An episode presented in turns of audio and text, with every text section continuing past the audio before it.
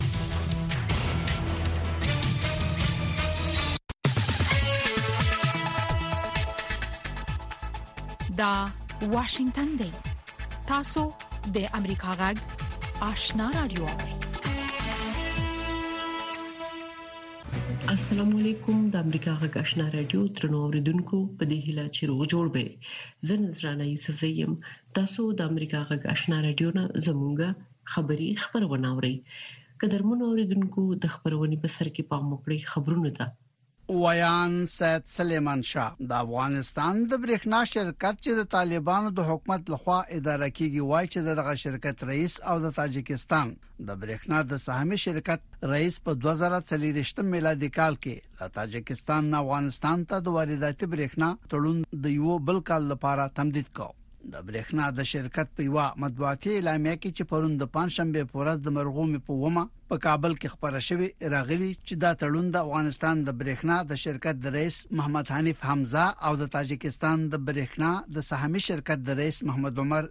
ایسازاده ترمنځ په ترکیه کې لاسلیک شو د اعلامیې لمخې له افغانستان نه تاجکستان ته د 1500 کیلوواټو برېښنا د انتقالولو په غرض د یو نوي مزید غزولو په مسله هم خبرې اترې شوې دي د نشئی توکو او جرمونو سره د ملګرو ملتونو د مبارزې ادارې په یو تازه ریپورت کې ویلي چې افغانستان د نشئی توکو د اعتیاد لامل د پنوړ ستونزو سره مخامخ دی او نشئی توکو په دغه هواد کې له هر دریو کورنۍ نه یو کورنۍ زیانمنه کړي د نشئی توکو کارول د انسانانو په ژوند باندې ناوړه اغیزه کوي او د ایچ آی وی تور جیړي او د نور ساري ناروغي په ګډون د عصبي او فزیکی اختلالاتو سبب ګرځي او هم د بیکارۍ جرمونو او تاوتریخوالي سبب کیږي د دې ریپورت لمخې د افغانستان د نفوس 80% 1500 کلن ښکته عمرونه لري په نړۍ کې د نشئی توکو په برخه کې تر ټولو ځوان او په چټکه وده کوونکې هواد دی د متحده عربی اماراتو ایر عربیا هوایي شرکت د چهارشنبه پورز اعلان وکړ چې کابل ته ورځنی پروازونه پیل کړي اسلامي پراختیاي بانک وايي چې د افغانستان لپاره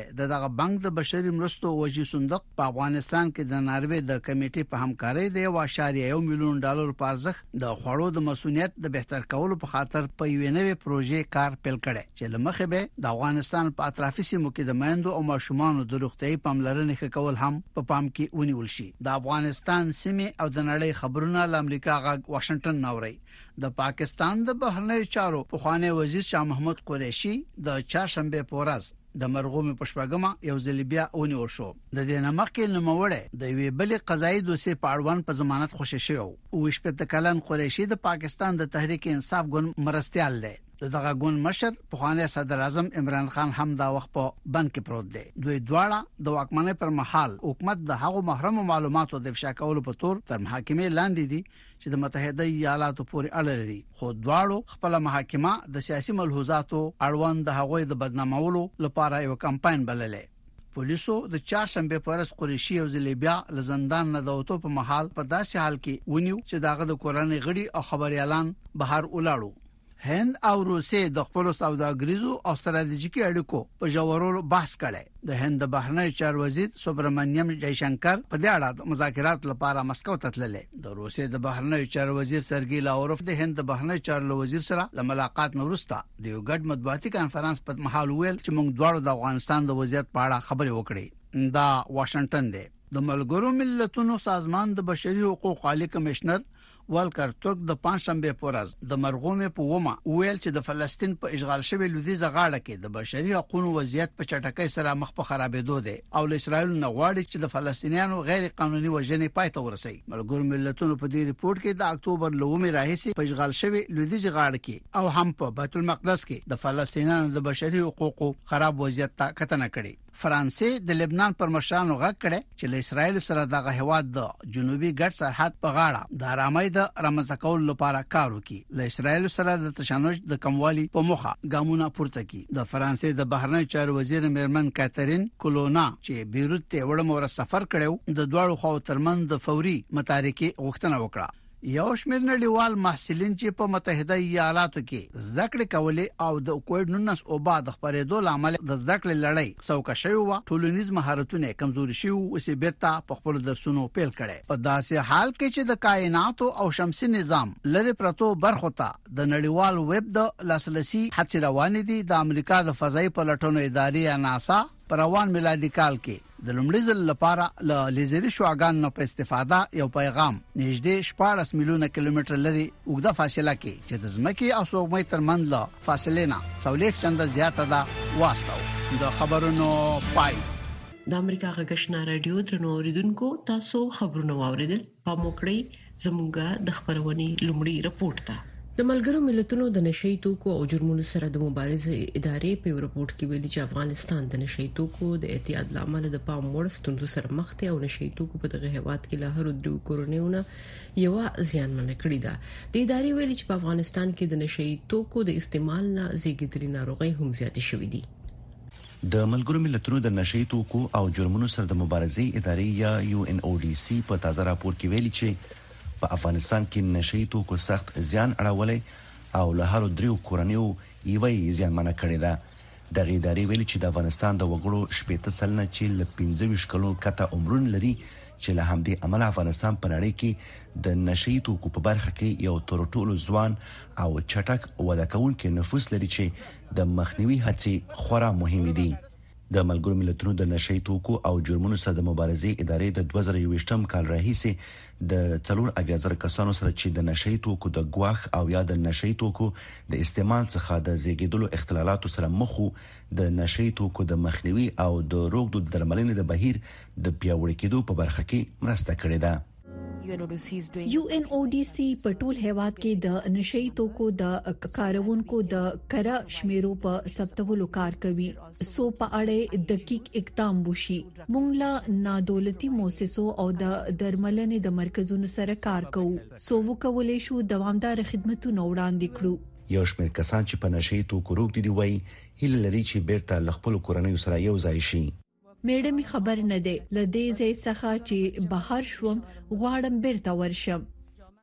ډاکتران وايي چې د نشه يي توکو کارولو په افغانستان کې سخت زیان اړولی دی. دا مواد چې کوم د دود په شکل استفاده کېږي، د ششونو یا د سږيو د بعضې امراضو سبب کېدای شي، حتی د سږو د کانسر سبب کېدای شي. حتی که دا بعضې مواد چې د خوراک په شکل استفاده کېږي، د معدې یا مرۍ همداشان د جهازي د هضمي جهاز د سرطانونو د لامل کېدای شي همدا شان د بعضي ساري امراضو سبب کېدای شي کچیرته د پیچکاری یا زرکیاتو په شکل اخیستل کیږي چې حتی امکان لري چې تور زیړی زیړ زیړی همدا شان ایډز له یو اخته کس څخه بل شخص ته انتقال شي یو ان او ډي سي وایي چې په افغانستان کې د نشه یي توکو د زیان د کمولو د پروګرامونو څخه ملاتړ کوي او د ایچ آی وي تور ژیړي او د نورو ورته ناروغیو د مخنیوي او درملنې په برخو کې د ستراتیژیو د ترتیبولو په برخ کې دغه هیواد سره مرسته کړې ده. دغې ادارې ویلي چې د دوه زره دوه ویشت م کال راهیسې افغانستان لپاره ځانګړی امانتي صندوق یې تاسیس کړی او د مرستو رسونې د ادارو ترمنځ د دغه تاسیس شوي صندوق له لارې په افغانستان کې د بشري اړتیاوو د پوره کولو لپاره له هڅو څخه ملاتړ کړی دی. د نشه يي توکو د ناروغانو یا هم روږدو کسانو د زیاتېدو یوازنی او عمده دلیل دا ده چې په هېواد کې د بیکارۍ کچه ورځ تر بلې مخ په زیاتېدو ده، اقتصادي ستونزې، بېوزلي، فقر دا هغه اساسي موضوعات دي چې په اوس وخت کې ډېری اکثریت خلک په همدې اساس نشه يي توکو ته مخه کوي. په افغانستان کې د نشه يي توکو د استعمالولو په اړه تازه سروې نه ده شوې، خو په دغه هېواد کې د نشه يي توکو د استعمال په باب يوه سروې چې په دوه زره او څوارلسم کال کې شوې ښايي چې په دغه هېواد کې په نشه يي توکو د روږدو کسانو شمېر درې ميليون ته لوړ شوی دی.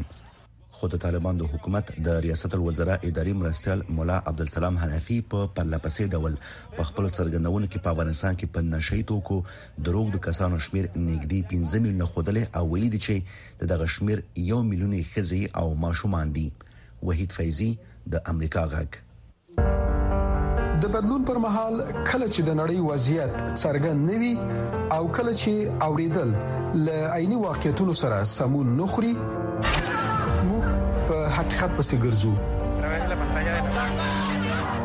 کله چې موږ ته د یو موضوع یوازې یو اړخ بیانېږي نو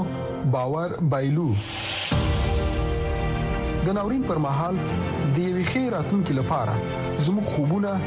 تم یو هلي پر آزادو مطبوعاتو تکیه وي د امریکا غږ پر چپو موږ هغه خبرونه خبرو چې خلک د لیدلو لپاره غواخونه مني موږ نړۍ سره وسلو او د حقیقت په ویلو یو موټی کوو د امریکا غږ لاري موږ بشپړ انزور درکو یو شمېر افغان ځوانان په افغانستان کې د بیوزلۍ او بیکاری له کبله د محل په پیښور کې د غالیو د انځلو په کار خانو کې په لګي تنخواه کار کوي دوی وايي د پولیسو لایري له کارخانو بهر نشي وتلی زموږ همکار مسکا صافي له دوی سره لیدلې او دا رپورټ را لګل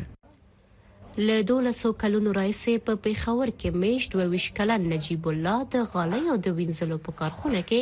کارګر دی او په شل زره کلدارو افغانستان کې میشت خپل کورنۍ ته نفقه لګي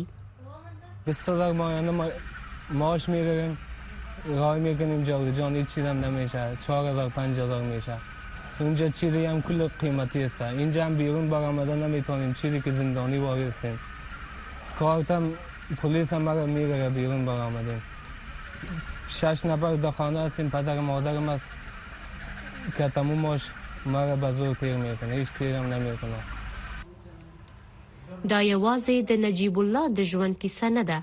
بلکې شپږ ویشت کلن صلاح الدین هم د بې روزګارۍ له کبله له فاریابه پېښور ته راغلی، وايي په افغانستان کې د مېشتې خپلې دیارلس کسیزې کورنۍ چارې سمبالوي. ده اینجا سی هزار چل هزار معاش میته به افغانستان روان میکنم به اونجا هیچ چیز نمیشه در مقابل افغانه. بازم دا اونجا کار ناست مجبور مجبور هستیم که در اینجا کار میکنیم اعضای پامیل هم ما تقریبا 12 15 نفر هستیم در یک پامیل 3000 40000 میتا هیچ چیز نمیشه بازم مجبور است دیگه در اونجا هم کاربار نیست دا بیا محمد سلام دی چې د ورته ستونزې له کبله پاکستان ته راکډوال شوی وايي د اسنادو د نه لرلو له کبله خپل ماشومان له ځانه سره کارخونې ته راولي څو پولیس یې ونه نیسي. نه ما از افغانستان مهاجر شدم در پاکستان اینم اینجا مال خود هفت دانه اولاد دارم اینم سی هزار معاش دارم تنخواه ده هزار خانه کرایم است نمیتونم رسانه مشکلات زیاد است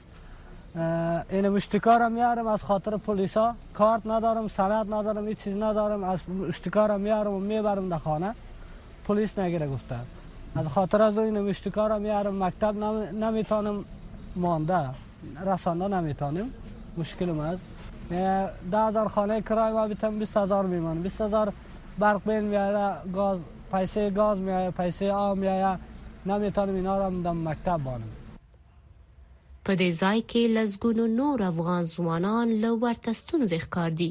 او د اسنادو د نه لرلو له کبله د بې برخلیکه ژوند سره مخ دي.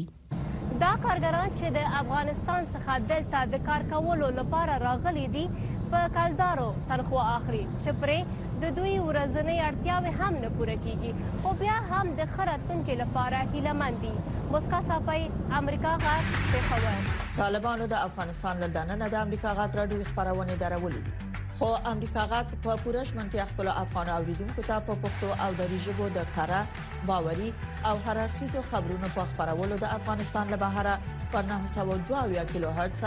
منځنوي سپو خپل خبرونه ته دوام ورکوي د دې ترڅنګ تاسو کولی شئ چې زموږ پښتو خبرونه په لاندو چپو هم واورئ پښتو سهارنې خبری خبرونه پر وزارت 290.0 چپو اوریدل شي ما خبرنې پښتو خبرونه په 2040.0 2015.0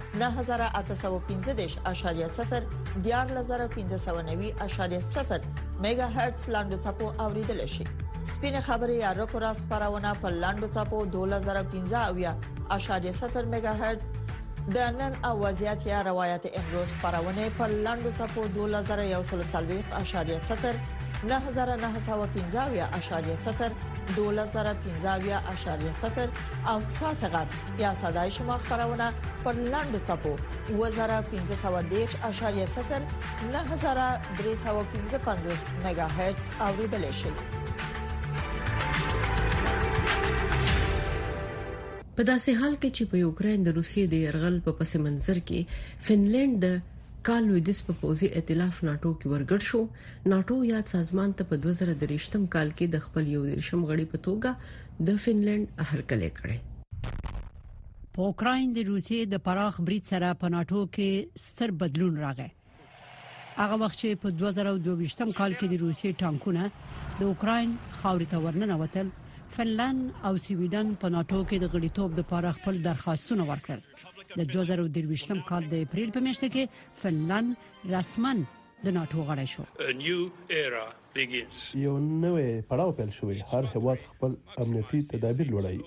فنلنډ هم دغه کار کوي، په ناټو کې غړیتوب د فنلنډ نړیوال دریځ پیاوړی کوي او موږ ته د سهار نه زیات فرصت راکوي. سویډن لا هم په ناټو کې د غړیتوب لپاره انتظار کوي. ترکیه چې د ناټو غړی ملک دی، په ناټو کې د سویډن د غړیتوب منظوري ځنډولې.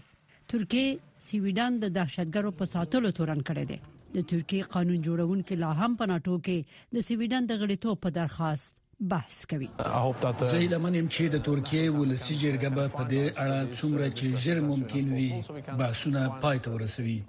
ترڅو موږ د سویډن غړیتوب تایید کړو ناتو د 2023م کال لپاره د اوکرين سره مرستې زیاتې کړې ناټو د دې سازمان د غړو لخوا اوکراین ته د وسلو او روزنې چارې تنظیموي دغه سازمان د ویلینس په غونډه کې په ناټو کې د اوکراین د غړیتوب په حق خپل دریز روښانه کړو او د اوکراین لپاره په ناټو کې د غړیتوب پروسه اسانه کړه موږ د تخنیکی وړتیاو اداري لارو چارو او د پاوز د ادارې د اصول په نظر کې نیولو سره تقریبا د ناتو د پاوز بل قوه برخه کیدونکې یو د ناتو د پلان او تګلارې پخوانی مشر وایي چې په ناتو کې د اوکرين ورګډېدل د ناتو د مشرانو یو سیاسي پریکړه ده زه فکر کوم اوکرين یو تر ټولو وړ او مستحق متحد دی څومره چې امکان لري اوکرين په هماغه اندازه خده خدا چې اوس یو روسته اوکرين ته غړیتوب ګټه لري او که زیان دا اساسا یو سیاسي پوښتنه ده که اوکرين لوي خو د روسي د يرغلګرو قواو سره په جګړه بوخت دی نو بل پلو په ناتو او اروپאי ټولنه کې د غړیتوب لارې چارې لټوي د ناتو ځنې غړي هیوادونه وایي چې په ناتو کې د غړیتوب لپاره باید تر هغه وخت پورې انتظار وایستل شي چې د روسیې او اوکرين جګړه پای ته ورسیږي مګر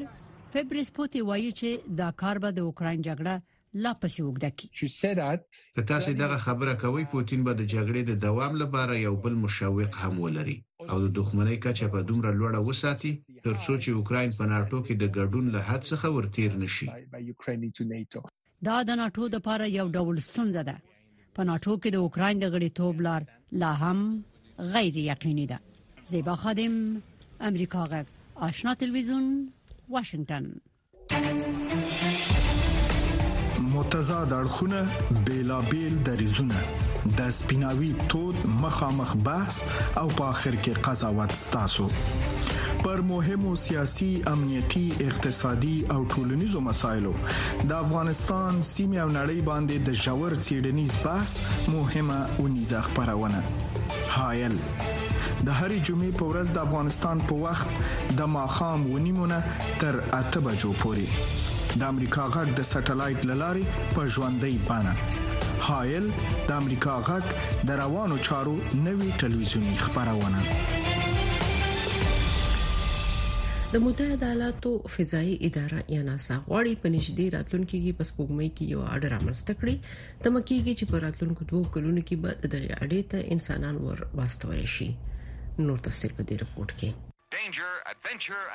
په سپوږمۍ کې ژوند کول له 1953 څخه په یو فلم کې چې د سپوږمۍ اډې پروژه نومیده بیا تر ننه چې د ډیزنی فلم کریټر کې څو ځوانان خایي چې په سپوږمۍ کې د بیسبال لوبه کوي یو هیله او پر راتلونکو کې د پلټنو یو هڅونه و خو په سپوږمۍ کې د ژوند خیال به ډیر ژر ریښتینی شي په دوه زره دوه ویشت کال کې په سپوږمۍ کې د ژوند په موخه د آرتمیس په نوم یوه پروژه پیل شوه چې د همدغه کال په نومبر کې د آرتمیس په نوم یو بي پیلوټه سپوږمکۍ د سپوږمۍ په شاوخوا کې پلټنې پیل کړې اوس ټاکل شوې چې په راتلونکي نومبر کې به د آرتمیس 2 سپوږمکۍ په وسیله څلور ستورمزلي سپوږمۍ ته واستوي آرتمیس به د سپوږمۍ په مدار کې د ګیټ وی په نوم یو فضایي سټیشن رامنځته کړي چې سپوږمۍ ته د راتلونکو ماموریتونو لپاره یو تمځای او د ژور فضایي چیرنو په برخه کې به مرسته کوي دا پروژه د آرتمیس تړونونو ته پابند ده تر اوسه د متحده ایالاتو په ګډون دوه دیرش نورو هیوادونو د سوله ییزو څېړنو دوه اړخیزې مرستې او له فضا څخه د ساینسي معلوماتو شریکولو لپاره دغه غیر الزامي تړون لاسلیک کړی.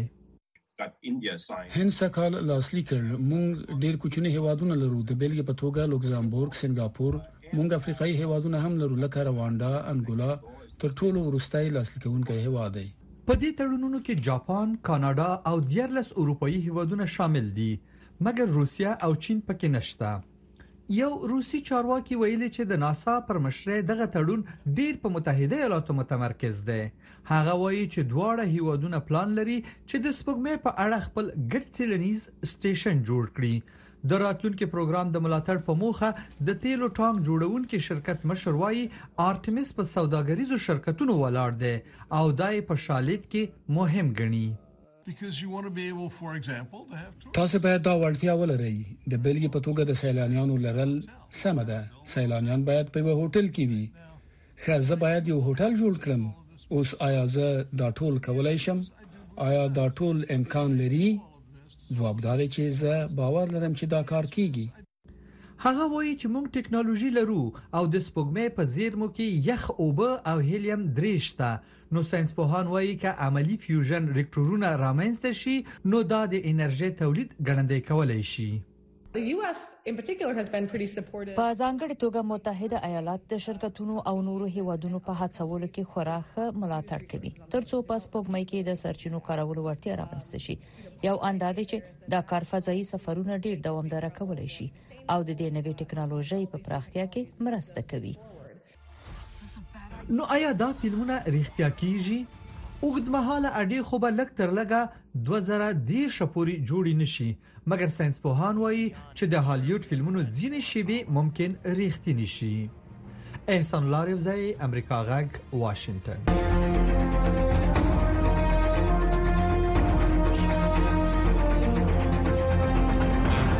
اتصال زموږ او ساسي پیوستون خبرونه چیرنی او خبرګونونه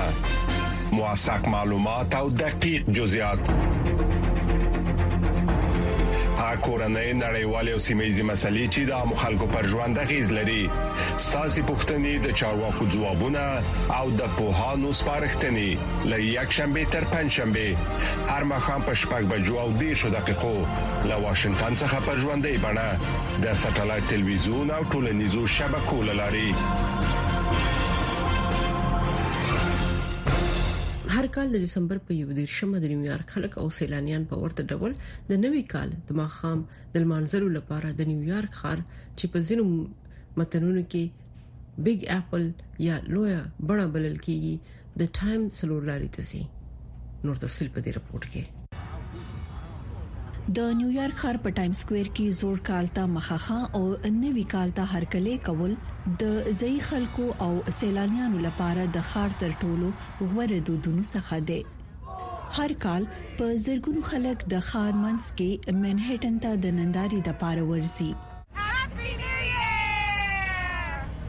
نیویارک ته د دوه زره څلورویشت شمیرې مخکې را رسیدي دي یعنی په ښار کې د بال یا پنډوس د غورځیدو د رسم په وخت اسمان لور ته د رڼا د لارې د شمیرو د خودلو رسم Five, four, three, two, one. د راتلونکو څو ورځو لپاره خلک کولی شي ټایم سکوير ته لاړ شي تر څو شمیرې لنیزدي وګوري او له دوی سره عکسونه واخلي مخکې لدی چې دا شمیرې د نوي کال په شپه د ون ټایم سکوير د ودانۍ 15م پورته د بال غورځېدو ځای ته پورته شي موږ له نولس سوه اووه کال راهیسې په ټایم سکویر کې توپ غورځوو. په ټایم سکویر کې د نوي کال لومړی ماښام په نولس سوه او څلور کې وو. دا هغه وخت و چې نیویارک ټایمز ون ټایمز سکویر ته لاړ او د مځکې لاندې ریلګاډی د لومړي ځل لپاره ټایم سکویر ته راغی او ټایم سکویر د لانګ ایکر سکویر څخه د ټایمز چوک په نوم بدل شو. د تیری پیړۍ بل نه بدلیدونکو دود د رنگارنګ کاغذونو شیندل دي د خار خلک وای ک تاسو د کاغذ په یو ټوټه خپل کوم ارمان ولیکي او یو سوکي ونیسي نو تاسو ارمان به رښتیا شي خلک کولی شي خپل ارمانونه په ټایم سکوير کې په کاغذ ولیکي او یې انلاین ولیکي زه فکر کوم چې دا به په زړه پورې وي چې بل څوک په کاغذ ولیکي، ارمان یا هیله ونیسي. بل څوک کولی شي چې دا ونیسي، ولولي او بیا یې د خپل نوي کال برخه جوړه کړي. زه فکر کوم چې دا واقعیتاً ښه نظر دی. فرناندو په بروکلین کې ژوند کوي او نوي کال په ماښام ټایم سکوير ته تلل خوښوي. زه تیر کال دلته وم. زه خپل یوټیوب چینل ته فلم اخلم او بیا یې خپروم. تجربه لرونکي مینوال وایي هغه څوک چې غواړي د بال ډراپ یا د پندوس د غورځېدو رسم په شخصي ډول وګوري باید د ماسپخین څخه مخکې هلته لاړ شي ترڅو د زرګونو نورو خلکو سره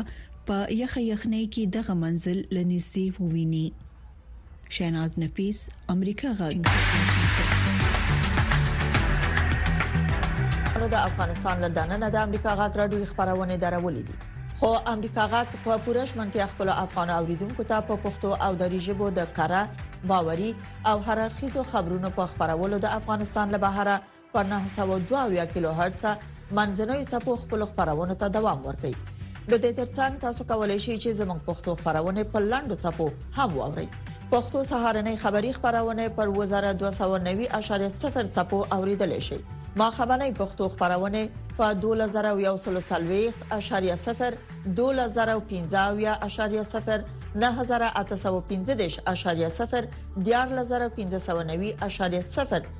میگا هرتز لاندو چپو اوریدل شي سپینه خبره یا رکو راس خبرونه په لاندو چپو 2015.0 میگا هرتز د نن او وضعیت یا روایت امروز خبرونه په لاندو چپو 2041.0 9915.0 2015.0 او تاسو غږ یا صداي شما خبرونه پر لاندو چپو 2015.0 نهه زره درې سوه پنځه پنځوس میګا هرتز اوریدلای شئ. لومړی چاودنه هغه مهال وشوه کله چې د فاکس نیوز خبريال بنیامین هال او د هغه همکاران د کیف نه بهر د هورینکا په ښار کې د روسیې د بریدونو په اړه د وی ورځي رپورت ورکولو څخه بیرته راستانه شول او څو ثانیې وروسته دوهم بم د موټر تر څنګ وچاودید. موږ پنځه تنه په موټر کې وو، پیري، زه او ساشا په شاته سیټ کې وو او دوه اوکراینیان چې موټر یې چلاوه. او دویمې چاودنې سره زه بې هوښه شوم. د دوه زره دوویشتم کال د هغې چاودنې حال بې هوشه کو، خو د هغه د کورنۍ فکر هغه وهڅوو چې له موټر نه ووځي. زما لور، زما کوچنۍ اته کلنه لور زما فکر ته راغله او ماته یې وویل، پلار، پلاره، تاسو باید له دې موټر نه ووځئ.